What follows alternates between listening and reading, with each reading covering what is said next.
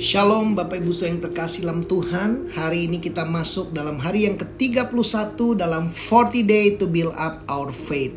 Hari ini saya mau sharing tentang faith in is in God alone. Percaya iman hanya kepada Tuhan saja di dalam Yakobus 1 ayat yang ke-6 dalam New Living Translation dikatakan but when you ask him ketika engkau minta kepada Tuhan be sure that your faith is in God alone. Do not waver. Tuhan mengingatkan ketika kita minta kepada Tuhan yakinlah bahwa iman kita permintaan kita itu hanya iman kita kepada Tuhan saja jangan bimbang di dalam Yakobus 1 ayat yang ke-6 dalam bahasa terjemahan uh, baru dikatakan hendaklah ia memintanya dalam iman dan sama sekali jangan bimbang. Seringkali kita tidak menerima apa yang kita minta karena kita bimbang di tengah perjalanan. Kebimbangan akan mencuri berkat Allah yang terbaik dari kehidupan orang-orang yang percaya. Sekali lagi, kebimbangan akan mencuri berkat Allah yang terbaik dari kehidupan orang-orang yang percaya. Jika kita tahu bahwa firman Allah adalah benar dan kita bertindak seolah itu sudah terjadi, maka itu akan menjadi kenyataan dalam kehidupan kita. Sebelum Abraham dia memiliki anak, Tuhan mengganti namanya dari Ab Abram menjadi Abraham agar setiap kali dia dipanggil Tuhan mengingatkan dia bahwa dia adalah bapa banyak bangsa. Bapak Ibu Saudara, Tuhan mau kita bertindak seakan-akan kita telah menerimanya. Ada seorang ibu dari Belanda, dia ikut camp ESC waktu itu di Jerman. Dan Bapak Ibu Saudara, ibu ini dia sakit di bagian kakinya, dia tidak bisa berlutut, tetapi saya bertanya kepada ibu ini, "Ibu, apakah ibu percaya Tuhan Yesus sudah menyembuhkan ibu?" Dan ibu ini berkata, "Aku percaya." Kalau ibu percaya ibu telah disembuhkan, sekarang ibu berlutut dan dia berlutut. Setelah itu ketika dia bangun, lututnya bergetar dan puji Tuhan, ibu ini menerima mujizat dia disembuhkan oleh Tuhan. Dia bertindak berdasarkan firman Tuhan. Dia bertindak sesuai dengan apa yang firman Tuhan katakan.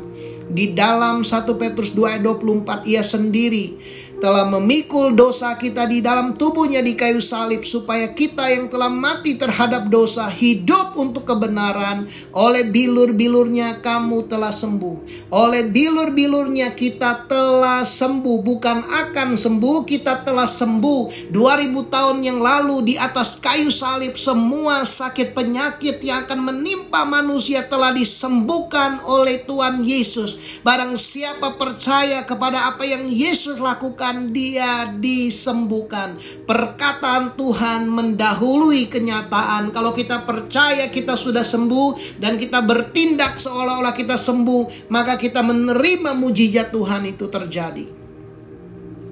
Matius 8 ayat 17 dikatakan dialah yang memikul kelemahan kita dan menanggung penyakit kita. Di dalam camp saya menemukan ada seorang pria yang delapan tahun dia karena kecelakaan tidak bisa berlutut. Tapi hari itu saya bertanya Bapak, apakah Bapak percaya bahwa Bapak sudah sembuh? Dan dia berkata dia percaya. Saya berkata kalau Bapak percaya berlutut sekarang dan dia berlutut yang delapan tahun tidak bisa berlutut dan hari itu dia berlutut dan dia menerima kesembuhannya. Amsal 3 ayat 5 katakan percayalah kepada Tuhan dengan segenap hatimu dan janganlah bersandar kepada pengertianmu sendiri. Seringkali kita tidak bisa mengalami kuasa firman Tuhan karena kita berpikir dengan cara kita berpikir, kita berpikir dengan cara manusiawi, kita berpikir dengan pengetahuan kita, Tuhan bekerja melampaui pengetahuan, melampaui pikiran kita karena Dia Tuhan. Tuhan mau kita bertindak seolah firman itu sudah terjadi pada kita. Ada seorang pendeta yang bernama Abe Simpson yang mendirikan Christian Missionary Alliance. diberitahu bahwa ia akan mati karena sakit jantung. Beberapa bulan lagi dokternya berkata kamu akan mati. Hamba Tuhan ini mengambil keputusan, dia menyendiri, dia menyelidiki firman Tuhan tentang kesembuhan dan dia mulai mendeklarasikan kesembuhannya. Bapak Ibu Saudara dan hamba Tuhan ini dia percaya bahwa dia telah disembuhkan. Satu kali ketika dia diundang melayani ke salah satu gereja, ia mulai menyaksikan kesembuhannya. Dia berkata, "Saya sudah sembuh karena firman Tuhan berkata, Aku telah sembuh." Keesokan harinya, jemaat di gereja itu mengajak hamba Tuhan itu untuk mendaki gunung. Reaksi pertama dari hamba Tuhan ini dia dia berkata dia tidak bisa karena kondisi jantungnya. Tiba-tiba Tuhan mengingatkan dia bahwa ia sudah menyatakan kesembuhannya. Hari itu dia bertobat dan dia menerima ajakan untuk pergi mendaki gunung. Bapak Ibu Saudara, sampai pada waktu dia mengucapkan itu, dia baru menyatakan kesembuhannya. Dia belum merasakan kesembuhannya. Ia bergumul sepanjang pendakian itu. Setiap kali pikirannya terlepas dari firman Tuhan, setiap kali dia rasa-rasa dan mulai berpikir dengan pikirannya dia merasa lemas, sakit dan takut. Bapak Ibu Saudara, pikiran manusiawi kita perlu diperbaharui sesuai dengan firman Tuhan. Banyak orang menyesuaikan pikirannya dengan situasi dan fakta yang terjadi. Ini yang membuat kita hidup dalam kekalahan. Tuhan mau kita menyesuaikan pikiran kita sesuai dengan firman Tuhan sehingga kita hidup dalam kemenangan. Tetapi ketika hamba Tuhan itu mulai mengalahkan perasaan-perasaannya dan ia mulai mendeklar, mengklaim kesembuhannya, semua gejala penyakitnya hilang. Ia menghadapi pergumulan sampai ke puncak gunung dan ia menang. Sejak hari itu dia menjalani kehidupan yang aktif dan bersemangat dalam melayani Tuhan. Iman yang benar bersumber kepada firman Tuhan Iman yang benar bertindak sesuai apa yang firman Tuhan katakan. Iman adalah dasar dari segala sesuatu yang kita harapkan dan bukti dari segala sesuatu yang belum kita lihat.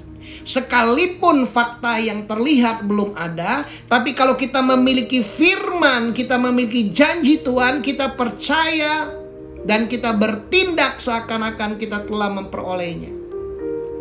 Yakobus 2 ayat 14 berkata, "Apakah gunanya saudara-saudara jika seorang mengatakan bahwa ia mempunyai iman padahal ia tidak mempunyai perbuatan? Dapatkah iman itu menyelamatkan dia?" Orang yang beriman pasti bertindak. Yakobus 2 ayat yang ke-17 dikatakan demikian juga halnya dengan iman jika iman itu tidak disertai perbuatan maka iman itu pada hakikatnya adalah mati. Ayat 21 dikatakan bukankah Abraham bapak kita dibenarkan karena perbuatan-perbuatannya ketika ia mempersembahkan Ishak anaknya di atas mesbah. Kamu lihat ayat yang ke-22 bahwa iman bekerja sama dengan perbuatan-perbuatan dan oleh perbuatan-perbuatan itu iman menjadi sempurna. Ketika Bapak Ibu sudah mempercayai firman dan engkau bertindak sesuai firman maka imanmu menjadi sempurna. Dengan jalan demikian genaplah nas yang mengatakan lalu percayalah Abraham kepada Allah maka Allah memperhitungkan hal itu kepadanya sebagai kebenaran karena itu Abraham disebut sahabat Allah. Jadi kamu lihat bahwa manusia dibenarkan karena perbuatan-perbuatannya dan bukan hanya karena iman.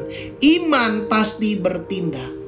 Dan bukankah demikian juga Rahab pelacur itu dibenarkan karena perbuatan-perbuatannya ketika ia menyembunyikan orang-orang yang disuruh itu di dalam rumahnya lalu menolong mereka lolos melalui jalan yang lain. Rahab telah mendengar bahwa Tuhan Israel telah mengalahkan musuh-musuhnya dan dia percaya kepada Tuhan karena itulah dia bertindak dia menyembunyikan para pengintai yang mengintai ke tanah Yeriko dan menolong para pengintai ini untuk dibebaskan lewat jalan yang lain sebab sama seperti tubuh tanpa roh adalah mati demikian juga halnya iman tanpa perbuatan-perbuatan adalah mati. Hari ini apa yang Bapak Ibu Saudara percayai? Di tengah masa-masa ini apa yang kau percayai? Apa yang kau lakukan ketika dari apa yang kau percayai? Tuhan mau kita percaya dan bertindak sesuai dengan firman. Kesalahan terbesar yang dilakukan oleh banyak orang percaya adalah mengakui iman mereka dalam firman Allah, tetapi pada saat yang sama perbuatannya berlawanan dengan pengakuan mereka. Pengakuan tanpa perbuatan tidak akan terjadi mujizat, tetapi pengakuan iman yang disertai perbuatan menghasilkan mujizat Tuhan. Akui apa yang kau percayai dan bertindaklah sesuai dengan apa yang kau percayai, maka mujizat itu terjadi. Hari ini, kalau Bapak Ibu Saudara percaya dan engkau mulai mengakuinya, mulailah bertindak seakan-akan kau telah memperolehnya, maka mujizat itu terjadi dalam kehidupan. Bapak Ibu Saudara, mari kita datang kepada Tuhan. Saya tidak tahu apa yang Bapak Ibu Saudara sedang alami hari-hari ini. Bagaimana kondisimu? Mungkin kau sedang mengalami pergumulan-pergumulan di tengah keluargamu, pekerjaan, bisnis, kesehatanmu. Mungkin kau sedang mengalami situasi-situasi yang mustahil engkau alami dan hari ini Tuhan berkata, percayalah kepada firman Tuhan. Bagi Tuhan tidak ada yang mustahil. Bagi Tuhan tidak ada yang mustahil. Tidak ada yang mustahil bagi orang yang percaya. Percayalah kepada firman Tuhan. Percayalah kepada firman Tuhan. Akuilah firman Tuhan, deklarasikan firman Tuhan, nyatakan apa yang Bapak Ibu sudah percayai dan bertindaklah sesuai dengan apa yang kau percayai. Maka mujizat Tuhan terjadi. Tuhan aku berdoa buat setiap anak-anakmu yang mendengar renungan ini. Tuhan aku berdoa apa pun yang mereka sedang gumulkan dan doakan biar hari ini percayalah bahwa mereka dapat mengalami terobosan karena mereka percaya berkata-kata dan bertindak sesuai sesuai dengan firman Tuhan.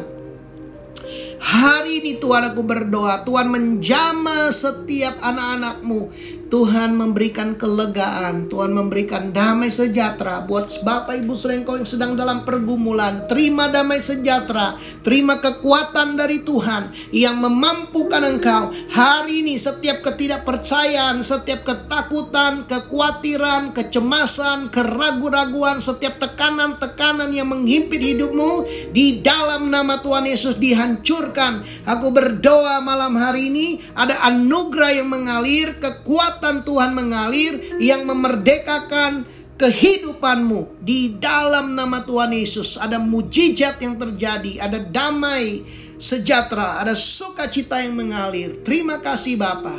Di dalam nama Tuhan Yesus kami berdoa dan mengucap syukur. Haleluya. Amin. Bapak Ibu Saudara yang diberkati dengan renungan ini, sharingkan, bagikan, sharekan kepada orang-orang lain Ceritakan kesaksian dan pengalaman hidup Bapak Ibu Saudara bersama dengan Tuhan. Tuhan Yesus memberkati.